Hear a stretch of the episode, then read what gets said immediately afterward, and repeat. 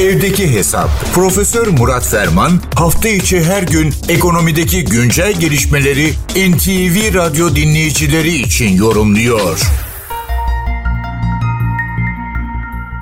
Artık 2023 yılına sayılı günler kaldı. Tabii bir yılı tamamlayıp diğer bir yıla geçiş yapılırken özellikle hem o tamamlanan yılın genel değerlendirmesi hem de önümüzdeki dönemin, sürecin, yeni yılın ekonomik göstergeleri ya da bununla ilgili tahminler ön plana çıkar. Nitekim bu sene de bu gelenek bozulmadı. 2022'den 2023'e geçerken Economist Intelligence Unit'in hakim 10 iş trendini daha evvel paylaşmıştık. 2023 yılında ön plana çıkacak hakim trendleri gözden geçirdikten vurguladıktan sonra gene diğer çalışmalarla ilgili bilgi paylaşım hakkımız saklı veya baki kalmak kaydıyla Economist Intelligence Unit'in bu sefer büyüme prospektlerine göz atarak bu analizi tamamlayalım.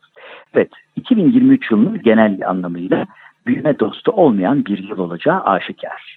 Tüm kurumsal öngörü ve çalışmalarda yatırım bankalarının araştırma masaları projelerinde veya öngörülerinde ya da akademisyenlerin senaryolarında ortak kanaat bu. Herkes hemen her organ 2023 ile ilgili ekonomik büyüme prospektlerini, öngörülerini aşağı yönlü revize ediyor. Nitekim Economist Intelligence Unit'te 2023 yılında büyümenin yıldızı küçük ekonomiler olacak savını ön plana çıkartmış. Şimdi en hızlı büyümesi öngörülen 10 ekonomiyi sayınca ne demek istediğimizi daha iyi anlayacaksınız. Guyana, Libya, Venezuela ilk üç sırayı alıyor. Sonra Anguilla, Maldivler, Samoa, Ruanda, Fil dişi sahili, Senegal ve Vietnam geliyor. 2023 yılının en önde koşacak, en büyük oranda büyüme işini gerçekleştirmeye aday ekonomileri bunlar. Guyana'nın %30'luk büyüme prospektine karşın son 4 sırada yer alan Ruanda, Fil dişi sahili, Senegal ve Vietnam %7'lik büyüme prospektleriyle, öngörüleriyle ön plana çıkıyorlar. Tabii hemen şunu söyleyelim. Küçük bir hacmin, küçük bir ekonominin oransal büyümesi aslında etkileyici olmakla beraber ya da birinci veya ilk sırada yer almakla beraber manşet olarak bir anlam ifade etmeyebilir. Yani Amerika Birleşik Devletleri'nin yüzde bir büyümesiyle Guyana ekonomisinin yüzde otuz büyümesini elma ile armut karşılaştırması kadar farklı kulvarda belki düşünmek doğru olacaktır. Bu çerçevede birkaç ülkeye daha bakalım. Hemen Türkiye ile başlayalım. Economist Intelligence Unit 2023 için Türkiye büyüme öngörüsünü 3.9'la güncellemiş. Almanya açısından bakıldığında gayri safi yurt içi hasıla ekonomik büyüme tahmini 4.7. Amerika Birleşik Devletleri FED saatler evvel yeni kararını açıklarken de tekrar deklare etti.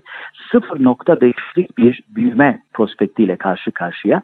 İngiltere büyük sıkıntılarla kaim. İngiltere büyümeyi bir tarafa bırakın 0.8'lik bir küçülme öngörüsüyle karşı karşıya.